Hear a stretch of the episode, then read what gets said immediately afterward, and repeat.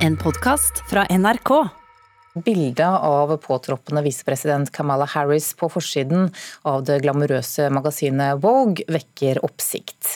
Bildet viser Harris i fritidssko av typen Converse, og hun eh, står i en ganske ledig positur. og Noen mener også at bildet bevisst fremstiller Harris som lysere i huden enn det hun egentlig er. kritikken den har ført til at det amerikanske magasinet nå viser en alternativ forside på nettsiden sin, hvor Harris fremstår eh, mer glamorøs og klassisk i stilen. Ragnhild Brochmann, kunst- og motekulturhistoriker og spaltist i Morgenbladet, god morgen. God morgen. Hvorfor skaper denne forsiden debatt i USA, hva er problemet egentlig? Nei, Problemet er, sånn som det ofte er når mennesker blir veldig skuffet, det er jo at det overhodet ikke svarer til forventningene som publikum hadde når Vogue, verdens mest glamorøse magasin, skal ta en samfunnstopp eller en stjerne og løfte den opp, stjernevaske dem, glansvaske dem. Og sette dem inn i en kontekst sånn at alle skjønner at dette er en skuddsikker gallionsfigur som alle må beundre. Istedenfor fikk vi noe som ligner på, gud forby, et hverdagsmenneske. Ja, hva syns du selv om dette bildet? Hva, hva sier det om Harris? Eller hva forteller bildet om Harris? Jeg syns dette er et veldig interessant bilde nettopp fordi det overrasker. Og så overrasker det veldig fordi at det kommer fra eh, sjefsbordet til Anna Winter, ikke sant? Damen som er kjent for å være like vennlig og like smidig som en kanonkule. ikke sant? Og Her opererer vi en fotoestetikk som er veldig moderne, som kunne vært gjort hos det britiske søstermagasinet som ledes av Edward Enninful, den sorte, eh, veldig, veldig anerkjente må man si det siste året, eh, redaktøren som har vist et helt annet spekter av forsider, med syke sykepleiere, grasrotarbeidere, til og med bare enkle landskaper. Han har vist at man kan vise en helt annen og mer menneskelig, human, alminnelig eh, verden også innenfor mote. Men den har vi ikke sett ennå hos Anna Winter og hos amerikanske Vogue. Og nettopp derfor, når de gjør det, da tenker jeg Kanskje har hun endelig begynt å stikke de små, velmanikurerte fingrene sine ned i jorden og skjønner at hun må vise en annen virkelighet. Kanskje har hun hørt mer på de rådgiverne hun har rundt seg. Hun har til og med ansatt en veldig ung fotograf, eh, noe de sjelden gjør. De tar de sterkeste og mest kjente fotografene med størst muskler. Eh, og kanskje har hun tenkt at ok, nå må vi vise at dette er et land i dyp konflikt. Kanskje vi ikke skal vise en skuddsikker helt, sånn som man stort sett f.eks. fremstiller Oprah Winfrey, som man fremstiller eh, Venus Williams eller Michelle Obama. Bilder som viser kjente og jordnære mennesker, kanskje, men også vakre, med en dash av sex, en dæsj av god samtale, en dæsj av glamour, ikke minst. Kanskje skal man vise henne som et menneske som står opp om morgenen, går ut, tar på seg klær, har en styling som ikke viser at hun er bedre enn andre, tror hun er bedre enn andre, og som ikke har hendene i forsvarsposisjon over brystet, sånn som den alternative forsiden. Og så kan man jo godt si at den baksiden som skal, eller altså bakteppet hennes, som er en slags sånn rosa-grønn taft, eh, silkebrokade, eh, det skal vise alfa kapp Kappa Alfa, dette første afroamerikanske søsterskapet fra Howard University, hvor hun kommer fra. Den referansen tror jeg går de fleste hus forbi. Istedenfor for meg så sier det nesten sånn ja, men Marie Antoinette eller et eller annet fransk og kongelig og litt fryktelig. Men det er jo også litt interessant, for hvis jeg tenker det, så ser jeg jo ingen dronning foran, men et vanlig menneske. Da. Og, og da syns jeg at det er en god kontrast og en nyttekontrast, og det er veldig bra. Ikke minst at de som forventet å se noe perfekt, får noe de ikke hadde ønsket seg, men noe helt annet. Mm, men hun står ikke akkurat i joggebukse og T-skjorte, da? Nei, hun står ikke i joggebukse i T-skjorte, gjør jo stort sett ikke politikere, selv om de sikkert har lyst til det. Men dette er jo noe av det mest alminnelige. Hvis du ser på henne når hun ofte er på talerstolen, så har hun mye mer velredigerte klær enn dette her, selv om hun er kjent for å gå i sneakers. Så her har de tatt det helt, de har tatt det helt ned. Og så har de valgt å vise henne sånn, og ikke som en ja, ikke som et overmenneske, som et menneske. Mm. Det er ikke så lenge siden det ble debatt eh, her i Norge også om et bilde av en kvinnelig politiker, nemlig forsiden eh, av boka til Hadia Tajik. Hvorfor blir det slike diskusjoner rundt bilder av kvinnelige politikere, tror du? Nei, Det er jeg jo selvfølgelig glad for at du spør om, for jeg tenker at her har vi alle godt av å gå i oss selv. Og så skal vi tenke hver gang vi ser på kvinner som prøver å fremstille en annen identitet. Eh, at kanskje skal de få lov til det, uansett om vi liker det eller ei, og kanskje skal vi respektere at de ikke alltid har lyst til å innfri de ærekjære forventningene våre og vise noe annet, tenker jeg. Ragnhild Brochmann, takk for at du kom til Nyhetsmorgen.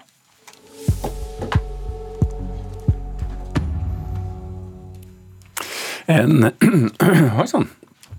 En nettbutikk på Voss skifter nå til bokmål for å unngå konkurs. Gjennom butikken Flor så selger gründer Kristin Lemme arbeidsklær til kvinner. Hun mener hun får lite besøk i nettbutikken sin fordi Google ikke skjønner nynorsk.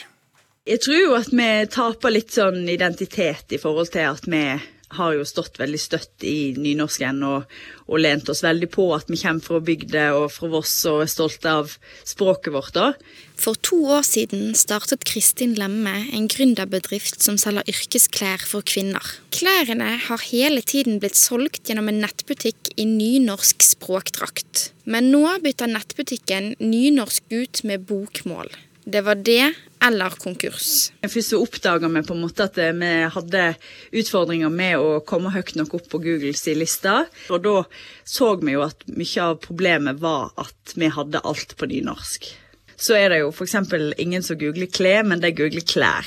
Så der har du på en måte første problemstillinger. Daglig leder Patrick Dahl i Digitroll er ikke overrasket. Google er en av de vikt, er definitivt viktigst for å treffe kundene.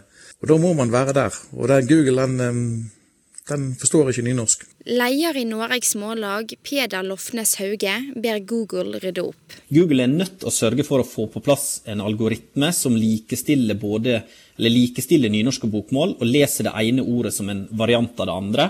Bedriften fra Voss opplever allerede flere besøk etter at de gikk over til bokmål. Vi har eh, rykka flere hakk oppover på de, på de listene på noen av de ordene. Sånn at eh, vi ser nok at det har en effekt. Reporter i denne saken, eh, ja det, hvem var det egentlig? Ja, det skal vi prøve å finne ut av. Det vi kan si derimot, det er at NRK har spurt Google-sjef Tine Austvold Jensen i Norge, som henviste til kommunikasjonssjefen i Sverige, og hun svarte at Google ikke hadde anledning til å kommentere denne saken nå i går kveld. About movies is that they can make you feel every emotion. And show you something you've never seen before. Dette her er lyd fra en uh, trailer, ikke en hvilken som helst trailer. Det er Netflix sin filmtrailer, og det skal fortsatt uh, handle, det skal handle om film nå, fordi det slutter ikke å være populært, selv om kinoene rundt omkring i verden har vært mindre tilgjengelige det siste året, for å si det på den måten. Og det kommer stadig flere filmer hos strømmegigantene, kulturreporter Ida Yasin eh, Andersen. Ja, det stemmer. Og Netflix har annonsert at de kommer til å slippe én ny film hver uke eh, de neste tolv månedene. Det skriver CNN. Og studioet Warner Bros har òg tidligere gått ut og sagt at de kommer til å slippe alle filmene sine i 2021 på strømmetjenesten HBO Max samtidig som på kinoer der det er mulig. Koronapandemien har gjort eh, konkurransen til kinoene fra strømmetjenestene tøffere. Men selve filmmediet blir vi ikke lei av? Nei, film vil vi ha, og mye tyder på at det blir mer og mer populært å logge filmer en har sitt. Dette har jo vært vanlig å gjøre lenge, men The New York Times beskriver det Logge? Ja, altså at du kan, du kan på en måte eh, Eh, skrive ned filmer du har sett, lage lister med favoritter, og du kan skrive anmeldelser. Så det er et sosialt nettverk. Og Dette har tidligere vært litt nisje, men New York Times skriver at det blir mer og mer eh, populært. Mm. Mainstream, rett og slett. Uh, og, og selve, um, selve dette verktøyet, hva, hva er det for noe? Du, Det heter Letterboxd. Det er et sosialt medienettverk eh, der en kan spore filmvanene sine. Og Det ble laga i 2011, 2011 av to webdesignere i New Zealand.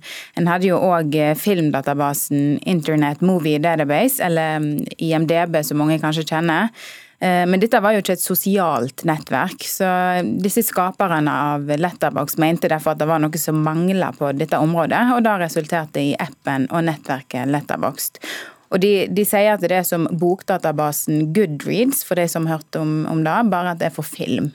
Um, så Pandemien gjør det vanskelig for oss å se film på kino for tida, men uh, som blomstringa til Letterbox sier, så viser, så har vi veldig behov for å snakke i lag om filmer. Ja, Bra. Kulturreporter Ida Yasin Andersen. Og da kan det hende at hvis Birger Vestmo er på Letterbox, så vil neste film komme også inn på den.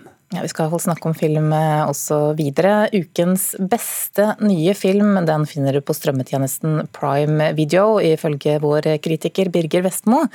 One Night in Miami er en av årets hete Oscar-kandidater, og handler om et møte mellom storhetene Malcolm X, Cassius Clay, Jim Brown og Sam Cook på et hotellrom i 1964. Dette er kanskje et lite kammerdrama, men filmen er stor og viktig, sier Vestmo. Yes, Cassius Marcellus Clay is the new heavyweight champion of the world, boy. Yes, he is. And I don't even have Yes, a scratch on my face. De beste historiske filmene har ofte en moderne relevans. Det er òg tilfellet for One Night in Miami, der regissør Regina King formidler svart borgerrettighetskamp anno 1964, med en temperatur og en tematikk som like gjerne kun gjelder USA anno 2021. Det her er et kammerdrama med fire sterke personligheter på et hotellrom, og forskjellene mellom dem og uenighetene som oppstår, resulterer i flere intense scener med gnistrende dialog. One Night in Miami er godt skrevet, svært velspilt og har en klar fremdrift gjennom både stille øyeblikk og voldsomme utbrudd. Den gir òg klare indikasjoner på hvordan kampen de her figurene var involvert i på 1960-tallet, fremdeles pågår. When, when? Well, I thought this would be a wonderful chance for us to reflect on what's happened tonight. Like our young brother said, there's no denying that greater forces were at work. Filmen er basert på et teaterstykke av Kemp Powers, som òg har skrevet manuset. Vi møter aktivisten Malcolm X, spilt av Kingsley Ben-Adir, bokseren Cassius Clay, skråstrek Muhammad Ali, spilt av Eli Gorey, NFL-spilleren Jim Brown, spilt av Aldis Hodge, og soul-stjerna Sam Cook, spilt av Leslie Odom jr. De samles på et hotellrom i Miami 25.2.1964, samme kveld som Clay har blitt verdensmester i tungvektsboksing. Feiringa blir i stedet en oppheta diskusjon om politikk, religion og de svartes situasjon i USA. Spesielt Malcolm X har sterke synspunkter på hvordan kameratene burde bruke sine unike posisjoner til å påvirke sortes borgerrettigheter, men får svar på sine provokasjoner. Your paranoia is really cramping my style now. Come on, just because you can't see bugs don't mean they ain't in the house, Sam. Up on this dirty ass roof. One Night in Miami er inspirert av virkelige hendelser. De fire storhetene var samla på et hotellrom i 1964, men hva som egentlig skjedde der, er ikke kjent. Camp Powers har i hvert fall konstruert meninger, diskusjoner og konflikter som føles sanne. Inntrykket filmen gir av hovedpersonene stemmer godt overens med den begrensa kunnskapen jeg har om dem, og jeg greier ikke å avgjøre hvem av de fire formidable skuespillerne som er best. De formidler elegant både sinne og frustrasjon over hva det vil si å være svart i et rasediskriminerende land, og Regina Kings effektive fortellerteknikk gjør at engasjementet smitter over på seeren. Hun er kjent som skuespiller fra bl.a. Ray, If Beale Street Could Talk og Watchmen, men viser nå et svært lovende talent som regissør i sin imponerende debut. One Night in Miami er kanskje et lite kammerdrama, men filmen er både stor og viktig. You do the math. All right. Terningkast fem. Ja, One Night in Miami den ble anmeldt av kritiker Birker Vestmo. Den kommer på strømmetjenesten Prime Video nå på fredag, altså i morgen.